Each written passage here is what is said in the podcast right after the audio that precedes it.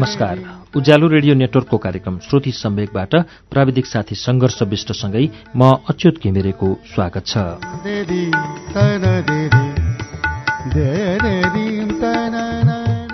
श्रुति सम्वेकको आजको श्रृङ्खलामा पनि हामी एरिका ल्युक्ट्याकको पुस्तक त्रिभुवनकी एरिकाको वाचन लिएर आइपुगेका छौं। यो पुस्तकलाई नेपालीमा सरोज मिश्रले अनुवाद गर्नुभएको छ। हामीले यसको छैठौं श्रृङ्खला गएको साता पृष्ठ अठासीसम्म सुनायौं। यसमा एरिकाले त्रिभुवन राजासँग संगत गर्दाखेरिको कुराहरू उल्लेख गरिएका छन् र यसको सातौं श्रृङ्खला आज वाचन शुरू गर्छु पृष्ठ उनानब्बेबाट।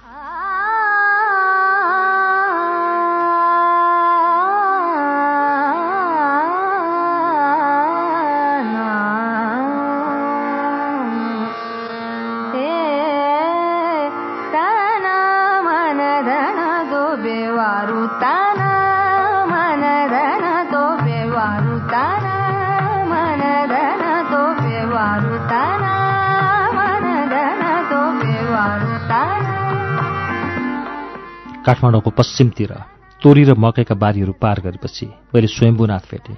स्वयम्मा पुगेपछि सधैँ दिक्क र थाकेका देखिने मेरा ड्राइभर र अङ्गरक्षक समेत केही उत्साहित भएको मैले पाएँ।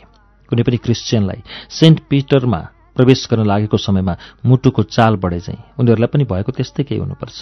स्वयम्भूनाथ त्यो ठाउँमा छ जहाँ मञ्जुश्रीले नागदह काटेर पानीलाई निकास दिएपछि कमल फूल रहन गएको थियो। त्यो फूल तीन सय फुट अग्लो डाँडामा बढ्यो। त्यही डाँडामा बौद्ध मार्गीहरूको सबभन्दा ठूलो र पवित्र मन्दिर बन्यो।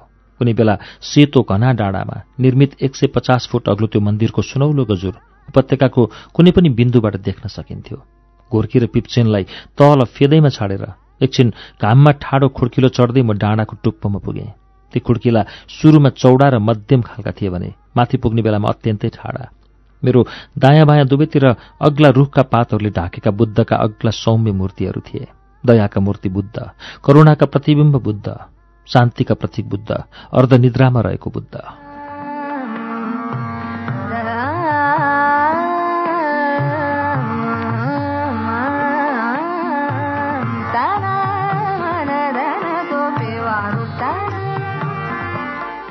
मभन्दा अगाडि र मेरो पछाडि चढ्दै गरेका र ओर्लँदै गरेका गेरुवा वस्त्रधारी भिक्षुहरू थिए ती तीर्थालुहरूका ढाड झुकेका हुन्थे भने आँखा चाहिँ शिखरतिर केन्द्रित हुन्थे।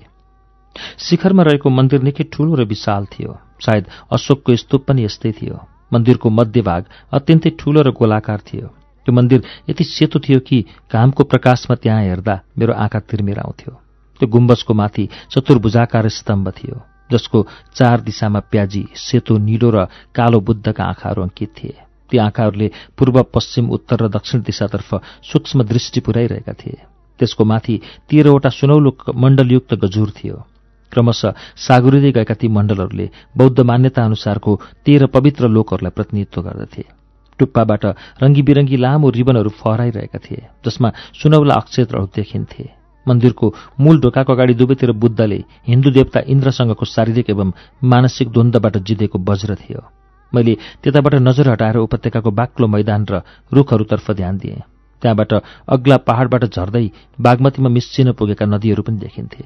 शिखरमा भिक्षुहरू एवं तीर्थालुहरू स्तूपका फेदमा रहेका ससाना मन्दिरहरूमा एकअर्कालाई हटाउँदै गरेको दृश्य देखिन्थ्यो। त्यहाँ एक प्रकारको कोलाहल नै थियो। मुख्यतया ओम मणि पद्मे होम अर्थात् कमलमाथिको मणि भन्ने आवाज सुनिन्थ्यो।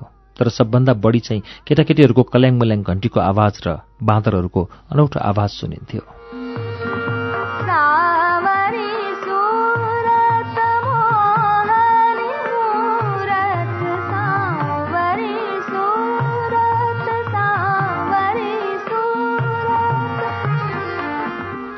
वृद्ध पितामहदेखि बालकसम्म पूरै परिवार त्यो मन्दिरको परिक्रमा गर्थे।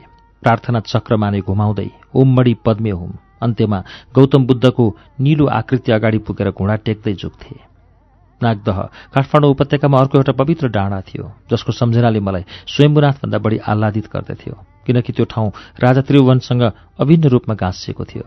काठमाडौँको उत्तरतिर जङ्गलमा अवस्थित त्यो ठाउँ हो पशुपतिनाथ त्यहाँ मैले अत्यन्तै राम्रा हिन्दू मन्दिरहरू भेटेँ। ती मन्दिरहरू सुन्दर र भयावह थिए। मन्दिरहरूको श्रृङ्गाला श्रृङ्खला माथि डाँडाबाट सुरु भएको बागमतीको शमशान घाटसम्म पुग्दथ्यो यो ठाउँ मृतकहरूका लागि बनेको थियो। भित्तामा मूर्तिहरू टाँसिएको देखिन्थे। त्यहाँबाट सेता ढुङ्गाका खुड्किलो मार्फत मुख्य ठूलो मन्दिरमा पुगिन्थ्यो। राता झिङ्गटीका छाना भएका मन्दिरहरूका काठे खम्बामा सृष्टिकर्ता पालनकर्ता र सम्हारकर्ताको मूर्तिहरू कुँदिएको देखिन्थ्यो भने त्यसमा रङ्गी बिरङ्गी अबिर देखिन्थे। पशुपतिनाथमा यौनको प्रतिरूप खुला र भद्दा थियो। साना केटाकेटीहरू अर्थ नबुझिकनै अज्ञानमै अजङ्गका ढुङ्गाका लिङ्गमा लेखिरहेका हुन्थे। मैले ती केटाकेटीहरूलाई खुसी मानेर हेर्दै थिएँ तर जब मैले त्यहाँ नदी किनारमा किनारका गुफाहरूमा घस्रँदै गरेका रोगी अपाङ्ग र जीर्ण फकिरहरूलाई देखेँ त्यहाँबाट भागौँ जस्तो लाग्यो।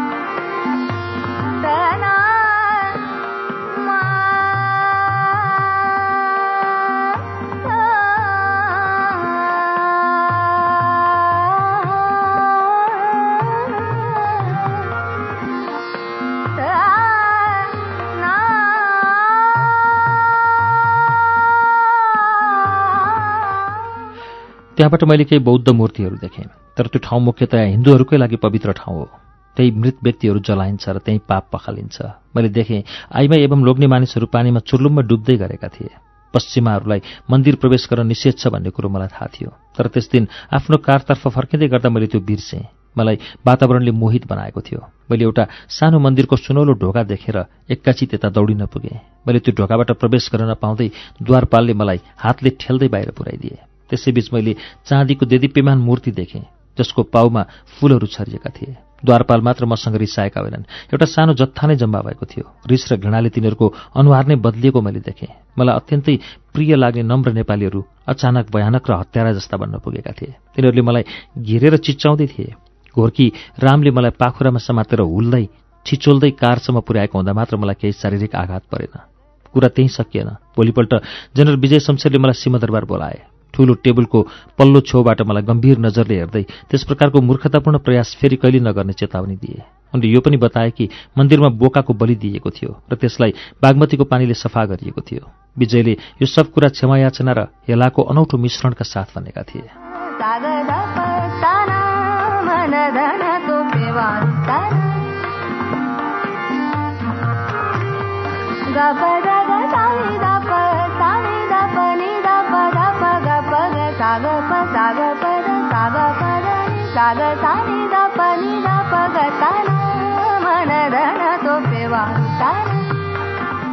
म त्यसपछि पनि पशुपतिनाथ गएँ तर यसपल्ट भने म अत्यन्तै होसियार थिएँ। मैले द्वालपारहरूलाई कहाँ जानुहुन्छ कहाँ हुँदैन भन्ने सोद्धथेँ मलाई मन्दिर परिसर प्रवेश गर्न दिइएन। घोर्की र पिप्चेनलाई भने भित्र जान दिइयो। बाहिरबाट मैले फूलको बिछोनामा उभिएको विशाल पेट कोखा र अण्डकोष भएको अजङ्गको सुनौलो साँडेको पछिल्लो भाग देखेँ। त्यो पवित्र नदीको छेउबाट हुलमा घोर्की र पिप्चेन बिलाएपछि म फर्केँ। पशुपतिमा जताततै खैरा र सेता साँडेहरू देखिन्थे। विशाल जुरो भएका ती साँडेहरू यत्तिकै घुमिरहेका हुन्थे। भक्तजनहरू तिनलाई पछ्याउँदै पुच्छरमा ढोक्दथे मन्दिरका खुड्किलाहरूमा बाँदरको भिड लाग्थ्यो। रात आँखा भएका झगडालु प्रकृतिका ती बाँदरहरूको श्रद्धालु भिडमाथि आक्रमण गर्थे। तिनीहरू डरलाग्दा र खतरनाक थिए तर तिनीहरूलाई कुनै हानि पुर्याइँदैनथ्यो ती बाँदरहरूले पिप्चेनलाई रिसार हेरिरहेका थिए तर पिप्चेन भने मेरो गोडा छेउ टाँसिएको थियो। जब मैले राजालाई आफू पशुपतिनाथ गएको बताएँ उनी मेरो उच्चारण सुनेर हाँसे र प्रहसनको मुद्रामा उच्चारण सच्याइदिए। तर जब मैले त्यहाँको चिता जलिरहेको घाट र त्यसबाट निस्केको धुवाँले आफू दुःखी भएको बताएँ तब उनको मुहारमा व्यापक उदासीनता देखियो। छ वर्षपछि राजा र पशुपतिनाथ मेरो दिमागमा यति एकीकृत हुन पुगेका थिए कि आज पनि म द्रवित हुन्छु यो प्रसङ्ग सम्झी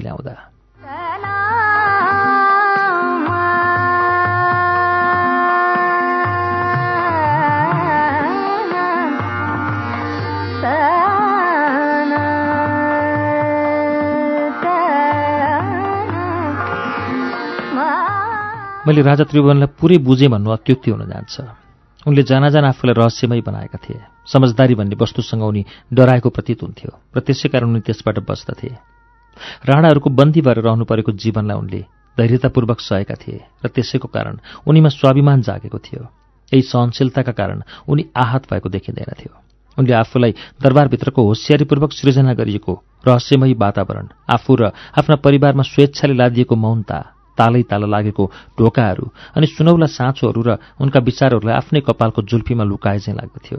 यति सबका बावजुद मलाई पुरा विश्वास छ कि विष्णुको अवतारका रूपमा स्वीकृति उनको छवि र घाँटीमा बेर्ने टाई वा फोटोग्राफीमा चाख जस्ता विषयबाट मुखरित हुने अनि पश्चिम भौतिक आविष्कारहरूका प्रति स्वाभाविक युवा उत्सुकता जस्ता दुई विषयमा उनको व्यक्तित्व अनौठो ढङ्गले दुई भागमा बाँडिएको थियो।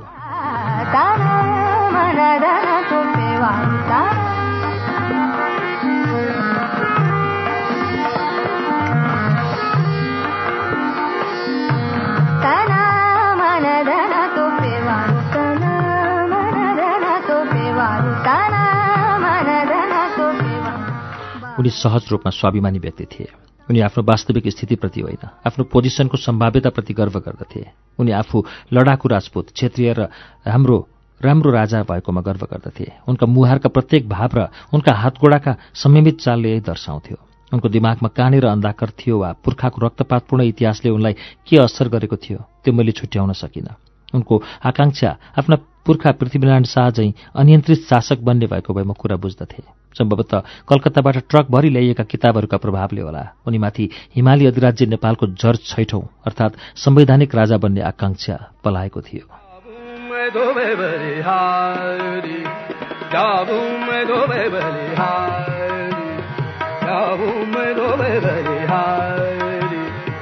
जाऊं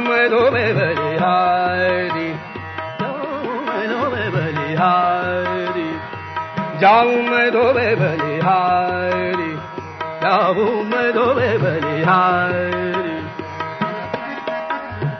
स्वभावैले भावुक भएका कारणले कुनै विदेशीले उनलाई सामन्ती र अज्ञानी राजाका रूपमा चित्रण गरेको पटक्कै मन पर्दैनथ्यो यसबाट उनको पश्चिमी वस्तुहरूप्रतिको प्रेमको साथसाथै कतिपय पश्चिमी नैतिकताप्रतिको घृणालाई बुझ्न सकिन्थ्यो। उनी फोटोग्राफीमा दक्ष मात्र थिएनन्। उनी ल्याबोरेटोरीका पनि ज्ञाता थिए। कार चलाउँदा उनी ड्राइभरका साथै मेकानिक पनि बन्थे। उनको ह्याप्पी कटेज अनेकन ल्याम्प हिटर हेयर ड्रायर घडीले भरिएको थियो। सरदार पुष्पराजलाई उनी थप अर्डर गरिरहन्थे। उनले ती चिजहरू सजाएर राख्ने होइनन्। ती वस्तुहरूलाई टुक्र्याउँदै जोड्नमा उनको समय बित्थ्यो। उनको कपड कपडाको दराज पनि भरिभरा हुन्थ्यो। उनीसँग सम्भवतः सबै अवसरका लागि बेग्लै पश्चिमी शैलीको सुट हुन्थ्यो। प्रत्येक दिन उनी तीन या चार पटक कपडा फेर्दथे र प्रत्येक पटक कपडा फेर्दा उनी नुहाउँथे। उनका कपडाहरू नेपालभन्दा धेरै टाढाबाट ल्याइएका थिए। कपडाहरू कलकत्ता लन्डन वा पेरिसबाट किनिन्थ्यो भने आफैले सावधानीपूर्वक लिएको नाप अनुसार सिलाइन्थ्यो। बडा मारिनी र राजकुमारीहरूका लागि पनि त्यसै प्रकारका कपडा आउँथ्यो। तिनीहरूले एउटा यस्तो गहना वा कपडा लगाएका छैनन् होला जुन राजाले स्वयं छानेर अर्डर गरेको नहोस्। उनका छनौटहरू निर्विवाद रूपमा राम्रा हुन्थे केही अपवादलाई छोडेर। उनका कुनै छनौट त हाँसो उठ्दै नै हुन्थ्यो। एकपल्ट उनी पश्चिमी शैलीको लाउन्ज सुटमा अर्धनग्न केटीहरूको छापा भएको टाई लगाएर ककटेल कोठामा आए। मैले हातले आँखा छोपेर कामेको अभिनय गरेँ। ठिक भएन उनले सोधे र हल्का मुस्कानका साथ केही बेर मलाई हेरिरहे। ठिक छ फेरौँला। यति भनेर उनी गएर फर्किँदा सुट सर्ट टाई जुत्ता मोजा र घडीसम्म सबै फेरिसकेका थिए।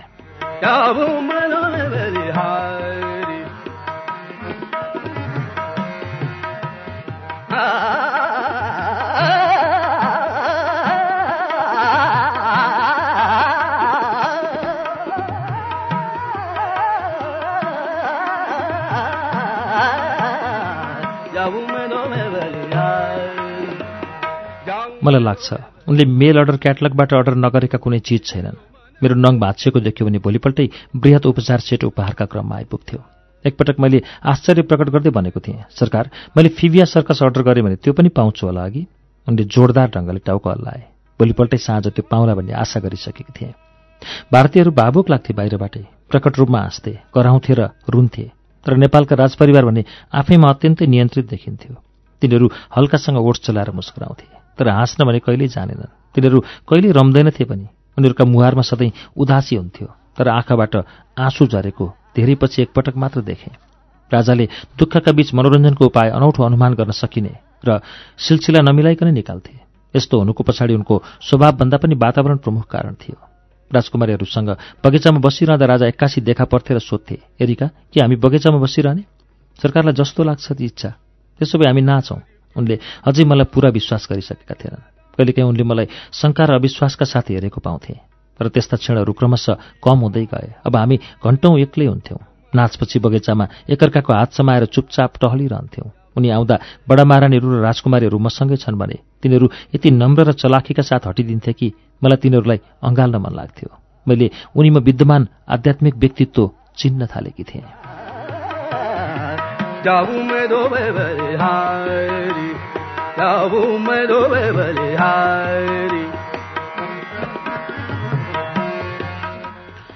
साँझ।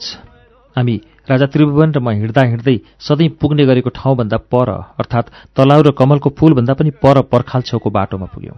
पर्खालमा भएको फुलै फुलले घेरिएको एउटा पालबाट भित्र छिर्यौँ त्यहाँभित्र अण्डाकारको झण्डै दुई फुट अग्लो एउटा पत्थर थियो। राजाले वार्तालाप अनायासै रोकेर त्यो ढुङ्गोलाई दुई हात जोडेर बहुतै श्रद्धापूर्वक नमस्कार गरे। त्यसबेला उनको भावभङ्गीमा यति प्रभावकारी थियो कि मैले पनि अनुसरण गरेँ मैले राजासँग प्रश्न गरेँ किन नमस्कार गरिबक्सेको त्यति बेलासम्ममा हामीले तीनपटक अभिवादन गरिसकेका थियौँ। राजाको उत्तर थियो यी कुमारी हुन् आदिशक्ति सृष्टिको मूल आधार। उनको दिमागले सम्भवतः अर्को सभ्यताको परिकल्पना गर्यो। त्यसकारण मधुर मुस्कानका साथ भने तिमीलाई ठिक लाग्छ भने कुमारी आमा भर्जिन मदर भन्न सक्छौ। उनी धर्मपरायण हिन्दू थिए तर पनि उदारवादी। वर्षौंपछि जब उनको शरीर जीर्ण भएको थियो र हृदय कमजोर उनले बौद्ध भिक्षु अमृतानन्दले उनलाई प्रदान गरेको आध्यात्मिक बाणीहरू सरिदय स्वीकारेका थिए। जेसुकै होस् आफ्ना जनताको विश्वास नै उनको शक्ति थियो। काठमाडौँ उपत्यकामा सर्पलाई मारिँदैन। एक दिन जब मैले ह्याप्पी कटेजको बगैँचाको गुलाबको फुल वरिपरि एउटा गोमन सर्प देखेँ मलाई लागेको थियो कि राजाले त्यसलाई मार्न लगाउनेछन्। म र राजकुमारीहरू साथै थियौँ र त्यसै बेला एक्कासी फूलका बिरुवाबाट लामो सर्प देखा पर्यो। राजकुमारीहरू यति डराए कि उनीहरूले आफ्नो पिताको आदेश ठूलो आवाजले नचिच्याउने प्रचलन बिर्सिए। उनीहरू चिच्याउँदै दरबारतर्फ भागे। जब राजालाई यो घटनाको जानकारी दिइयो उनी गोमन सर्पको खोजी गरेर मार्ने काममा लागेनन्। बरु बगैँचाको त्यस भागको फूल बिरुवा र झाडी सफा गर्न लगाए कि त्यो सर्प शान्तिपूर्वक त्यो ठाउँ छोडेर अन्त कतै जाओस्। उनले मलाई सर्प मारेमा सन्तानहीन हुने वा कुष्ठरोग लाग्ने सम्मको पाप लाग्छ भन्ने जनविश्वासका प्रति आफ्नो धारणा बताए। त्यसपछिका कैयौँ दिनसम्म म बगैँचामा अत्यन्तै सावधानीपूर्वक हिँड्दथेँ। जाऊं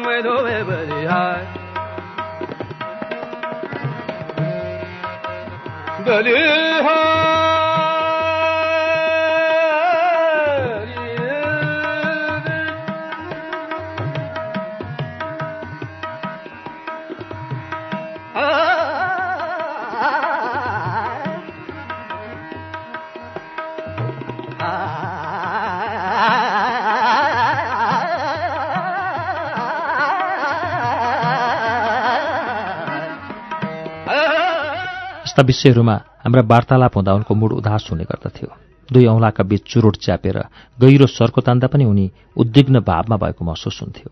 कहिलेकाहीँ आफ्नो चुरोट सल्काएर उनी मलाई तान्न दिन्थे। उनले कैयन पटक त्यसो गरेपछि मैले पनि उनको लागि चुरोट सल्काइदिन थालेँ। उनी नम्रतापूर्वक त्यसलाई स्वीकार्दथे। मानव थुकले हुने अपवित्रका सम्बन्धमा हिन्दू धारणालाई बुझेकाहरूले मात्र उनको यो क्रियाकलापको पछाडि लुकेको आत्मीयताका बारेमा अन्दाज गर्न सक्छ।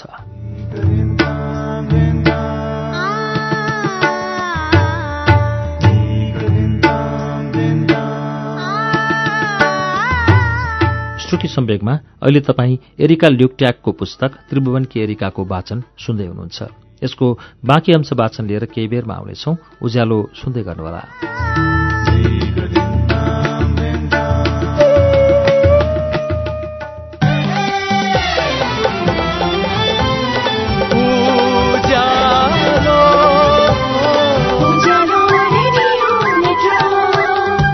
सीधा कुरा प्रश्न विचार। Ujyaalo radio network.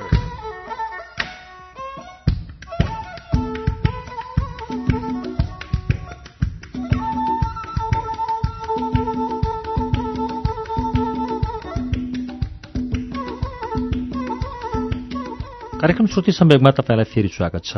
श्रुति सम्वेक तपाईँ उज्यालो रेडियो नेटवर्क काठमाडौँमा नब्बे मेगाहरसँगै देशभरिका विभिन्न रेडियो स्टेशनबाट एकैसाथ सुनिरहनु भएको छ। श्रुति सम्वेकमा हामी त्रिभुवनकी एरिका एरिका ल्युक्ट्याकको पुस्तकको वाचन सुनिरहेका छौं। अब यसको बाँकी अंश वाचन सुनौ।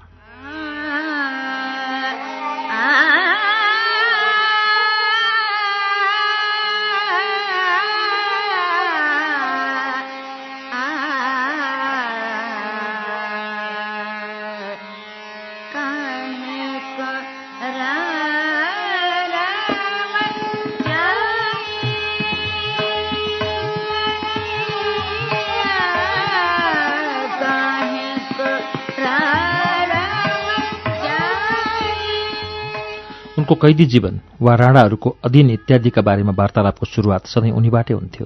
मैले कहिल्यै गरिनँ। वार्तालापको क्रममा उनलाई अलिकति पनि शङ्का हुने बित्तिकै रोक्थे र भन्दथे अब हामी नाचौँ कि? नाचले उनको शरीरबाट आलस्य हटाउँथ्यो। उनी तीक्ष्ण र राम्रा विद्यार्थी थिए तर मैले उनलाई साम्बा ब्राजिलको प्रसिद्ध नाच कहिल्यै सिकाउन सकिनँ र यसले उनलाई चिडचिडो र रिसाह बनाउँथ्यो किनकि उनको स्वाभिमानका लागि सफलता आवश्यकता थियो। मलाई पनि साम्बा त्यति राम्रो आउँदैन थियो। र त्यसै कारण भिक्टर सिल्भेस्टारको किताब पैँचु दिन धेरै पटक आग्रह गरे ताकि बिहान नाचका चालहरू सिकेर साँझ उनलाई सिकाउन सकियोस्। खै किन हो कुन्नी त्यो किताब मलाई कहिल्यै लानु दिएनन्। एक साँझ त हामीबीच त्यस विषयमा झगडै पर्यो तर त्यो झगडा बारेमा कसैले थाहा पाएनन् र मैले पनि कसैलाई भनिनँ। भोलिपल्ट ड्रिमी आएर मसँग त्यसका लागि माफी मागिन्। पहिले किताब दिन नचाहनुको कारण नखुलाई एक साँझ उनले त्यो किताब मलाई दिए। उनलाई बलरुम डान्स अति नै मन पर्थ्यो भने ब्याले चाहिँ पटक्कै मन पर्दैन थियो। उनले पश्चिमी ब्याली नाच जीवनभर देखेका थिएनन्। तर पनि जब मैले आफ्नो ब्याले प्रेमका बारेमा बताएँ उनले आँखीमा उठाएर एकजना महारानीतर्फ हेरे। महारानी त्यहाँबाट गइन् र केही बेरमै अत्यन्तै राम्रा ब्याली चित्रहरू भएको किताब लिएर आइन्। म त्यो देखेर अत्यन्तै उत्साहित थिएँ र त्यसमा भएका मध्ये आफूलाई सबभन्दा राम्रो लागेको मुद्रा तिग्रा र पिँडोलाई मोडेर गोडा फैलाइएको अनि अर्को गोडा बक्राकार बनाएर शरीर झुकाएको तर्फ देखाएँ। मैले राजाको अनुहारमा घृणाका स्पष्ट भाव देखेँ। उनले भने त्यो देख्दा मलाई घिन लाग्छ।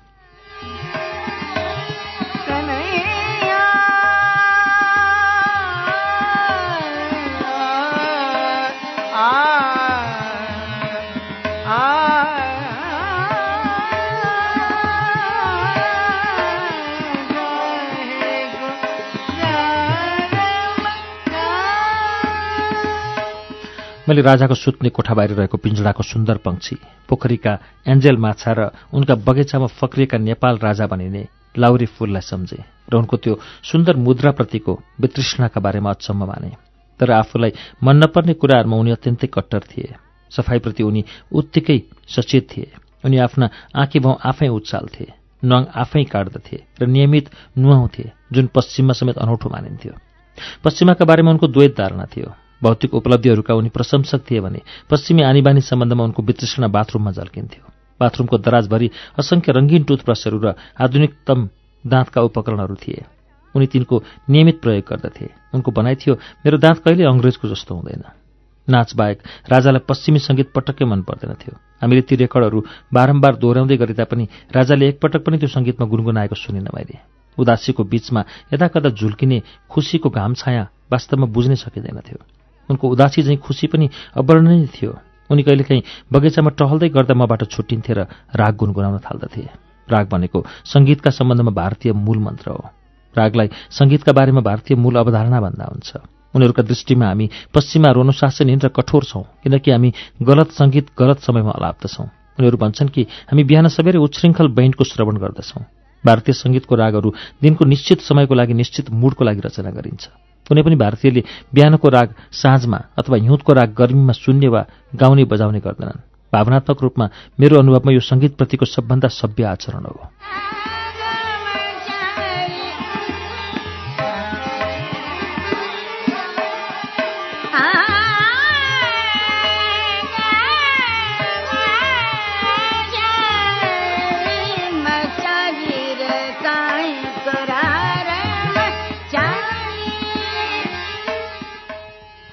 राजाको पश्चिमी वस्तुप्रतिको आधार प्राय जर्मन वस्तुहरूमा केन्द्रित थियो।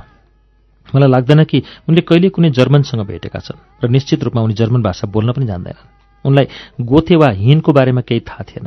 पक्कै पनि आफ्नो मूड अनुसारको साथीका रूपमा बितोभनको पियानो कन्सर्टभन्दा रागलाई नै रुचाउँथे होलान्। उनले जर्मनलाई यसकारण आदर गर्दथे कि उनको विचारमा औद्योगिक दक्षता र त्यसमा पनि राजाको सोखको वस्तु फोटोग्राफीमा जर्मन अद्वितीय थियो। जर्मन कुकुर विशेष गरेर एलसिसिएन पनि उनलाई मन पर्दथ्यो। काठमाडौँका सडकमा खैरो भुस्या कुकुरहरू मात्र देखिन्थे।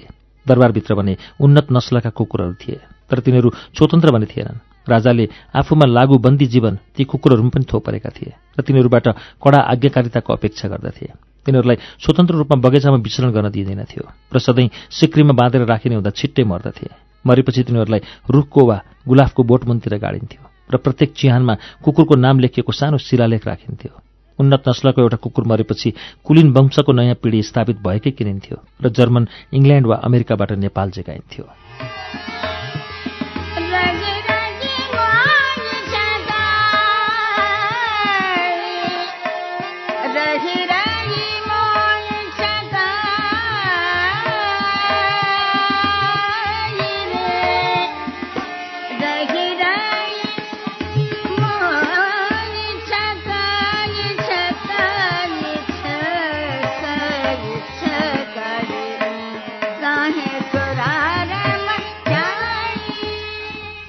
बडा महारानीहरू एवं राजकुमारीहरू सबैको चेप्टो नाक भएका कुकुरहरू थिए। दरबारका हावा नचल्ने गरम कोठारमा थुनिएर र बगैँचामा हलचल गर्न नपाएर ती कुकुरहरूको मृत्यु हुन्थ्यो। अझ भनौँ मार्ने गरिन्थ्यो। म त्यहाँ हुँदाको समयमा राजालाई सबभन्दा मनपर्ने चाहिँ अजङ्गको एल्सिसियन थियो। त्यो डरलाग्दो नस्ल मिश्रित जीवलाई राजाले लक्की नाम दिएका थिए। त्यसको घाँटीमा हिन्दू मान्यता अनुसारको नौवटा सौभाग्य सूचक जवाहरात हिरा मोती पन्ना माणिक नीलमणि पुष्पराज फटिक वैर्यमणि र सिपी अर्थात् नवरत्न जडित सुनको सिक्री थियो। यत्रो सुरक्षाका बावजुद मलाई लाग्छ बिचरा लक्की धेरै बाँचेन। मे महिना आयो र पहेँलो र सेतो चमेलीको सुगन्धको बगैँचा भरियो। गाडा रातो गुलाफ अँध्यारोमा लालटिन जस्तो झुन्डिएको देखिन्थ्यो। राजा र मैले धेरै समय एकान्तमा बिताउन थाल्यौँ। उनी कहिलेकाहीँ मेरो छेउ बसेर चुपचाप मेरो हात समातेर मलाई हेरिरहन्थे। चुपचाप राणाहरूले मलाई त्यहाँ आउन अनुमति दिएकोमा उनलाई आश्चर्य लाग्दथ्यो। एक दिन जब मैले उनलाई रिभोरियामा देखेका भारतीय राजकुमारहरूका बारेमा बताएँ राजाले एटलस ल्याउन आदेश दिए र त्यसलाई फैलाएर उनको औंलाले भूमध्य सागरीय तटीय क्षेत्रका रोप्पोलोदेखि केनससम्मका क्षेत्रहरू देखाउन थाले। मैले सँगसँगै प्रत्येक नाम दोहोऱ्याउँदै गएँ र जब हामी दुईजना औँला ठोक्किन पुगे एक्कासी उत्तेजित हुँदै भने एक दिन हामी त्यहाँ जानेछौँ। एक दिन उनले भने जब म स्वतन्त्र हुनेछु।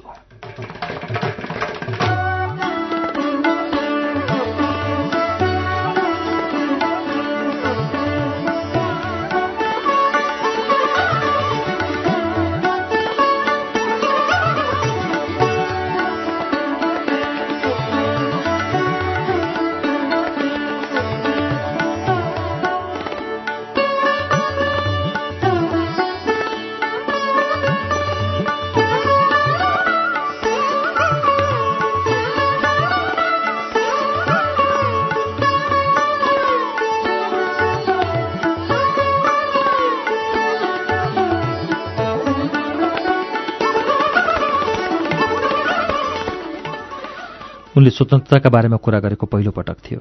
हामी त्यस दिन एकअर्काको अत्यन्तै नजिक भएका थियौँ। हामी कतिपय विचार र अव्यक्त भावनाहरू एक आपसमा बाँड्दै थियौँ। त्यति हुँदाहुँदै पनि उनी रहस्यका अद्भुत सुन्दर तर दुःखी प्रतिमूर्ति नै थिए र रहे। उनको निश्वासमा पनि महक थियो किनकि उनी सधैँ सुगन्धित सुपारी चपाउँथे उनी महाराजा धिराज अर्थात् राजाहरूका राजा थिए।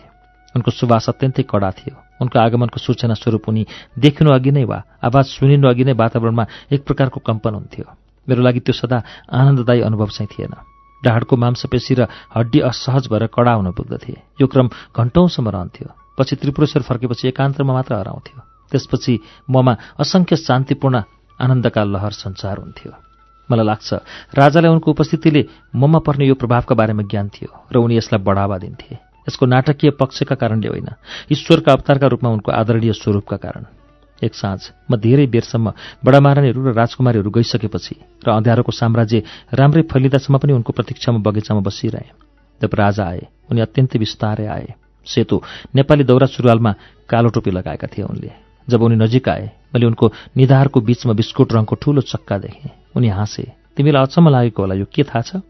म पूजा गर्न व्यस्त थिएँ ब्राह्मणले यो मलाई लगाइदिए। यो प्यानकेक जस्तो छ। मैले मूर्खतापूर्वक भने त्यसो भए यसलाई पखालौँ र नाचौँ। उनीमा एक्कासी केटौलेपन देखिएको थियो।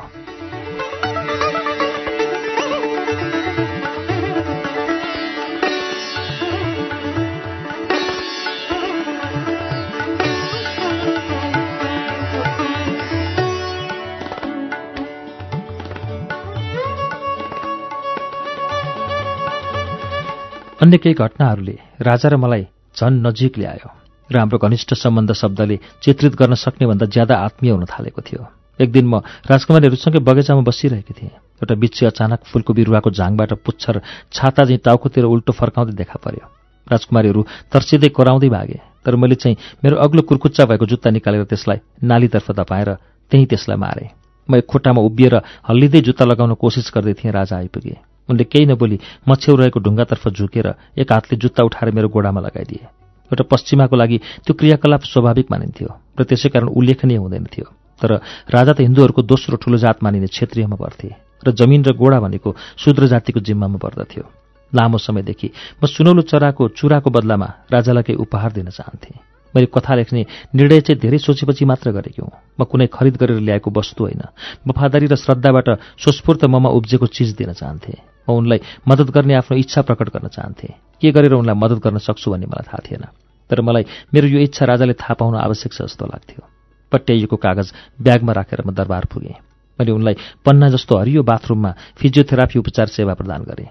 त्यो बाथरुमसँगै टोपी र वर्षादीहरू झुन्डाइएको ह्यान्डस्ट्यान्ड सहितको हल थियो। त्यो कोठा फुलदानीका बास्नाले भरिपूर्ण शीतल र सुन्दर थियो।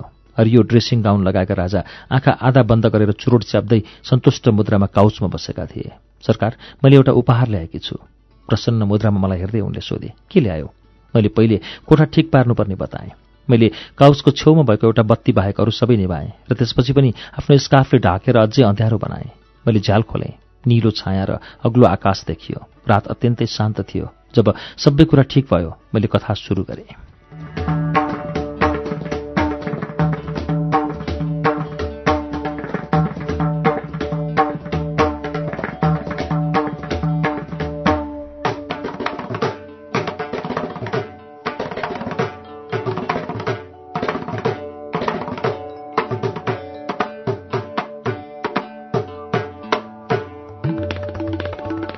शीर्षक हो। युवा राजा र सुनौलो चुरा। कुनै समय टाढा टाढा लापेन एनइपिएल नेपालको उल्टो नाम गरेका पहाडी मुलुकमा अनुभूतिलाई त्रिभुवनमा को उल्टो अनुवृत्ति अजङ्गको साँपले उनकै दरबारमा बन्दी बनाइदिएका थिए। एक दिन उनी कहाँ पहाड पारीबाट एउटी आइमाई आइन्। तिनको नाम आकिरे एरिकाको उल्टो थियो। यस प्रकारले त्यो कथा अगाडि बढ्यो। त्यो कथा राम्रो नभए तापनि त्यसमा हाम्रो जीवनको वर्णन गरिएको थियो र प्रतीक्षा गरिएको थियो कि अहिले निष्पट्ट अँध्यारो भए तापनि एक दिन राजा स्वतन्त्र हुनेछन् र संसारभरि चिनिनेछन् त्यो मैले आफैले तयार पारेको काल्पनिक कथा थियो तर त्यो चरितार्थ हुनेछ भन्ने मलाई विश्वास थियो। त्यो कथा राजालाई दिएको लगत्तै उनलाई मद्दत गर्ने पहिलो सकारात्मक प्रयास थाले। मलाई लाग्छ त्यो सुरुबाट एउटा प्रभावहीन र आशा गर्न नसकिने प्रयास थियो। मैले गोइबल सोझा छन् भन्ने बढी नै अनुमान गरेकी थिएँ। यति बेलासम्म मलाई थाहा भइसकेको थियो कि भारतमा क्रियाशील नेपाली काङ्ग्रेस पार्टीमा परित्यक्त सी क्लास राणाहरू र त्यस्तै अन्य राणाशाही विरोधी शक्तिहरू जोडिएका छन्। मलाई त्यसबेला लाग्यो कि राणाशाहीको सशक्त विकल्प सिद्ध हुन सक्ने नेपालीभित्रै प्रधानमन्त्रीको विपक्ष छ भन्ने विश्वास नभएसम्म भारत सरकारले ती शक्तिहरूलाई कुनै सक्रिय समर्थन वा सहानुभूति देखाउने छैन। पछि त्यो मेरो अनुमान ठिकै साबित भयो।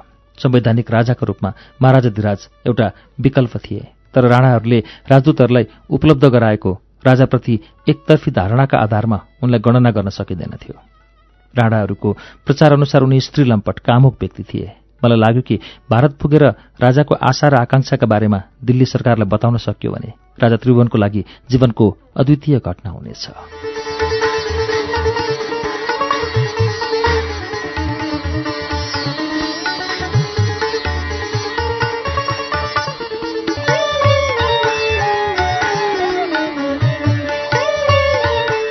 श्रुति सम्वेकमा एरिका ल्युक्ट्याकको पुस्तक त्रिभुवनकी एरिकाको वाचन आजलाई यति नै हामीले यसको सातौं श्रृङ्खला वाचन आज यहाँ ल्याएर रोकेका छौं यसको बाँकी अंश अर्को साता फेरि सुन्न सकिनेछ तबसम्मको लागि कार्यक्रम श्रुति सम्वेकबाट प्राविधिक साथी संघर्ष विष्ट र म अच्युत घिमिरे विदा हुन्छौ नमस्कार शुभरात्रि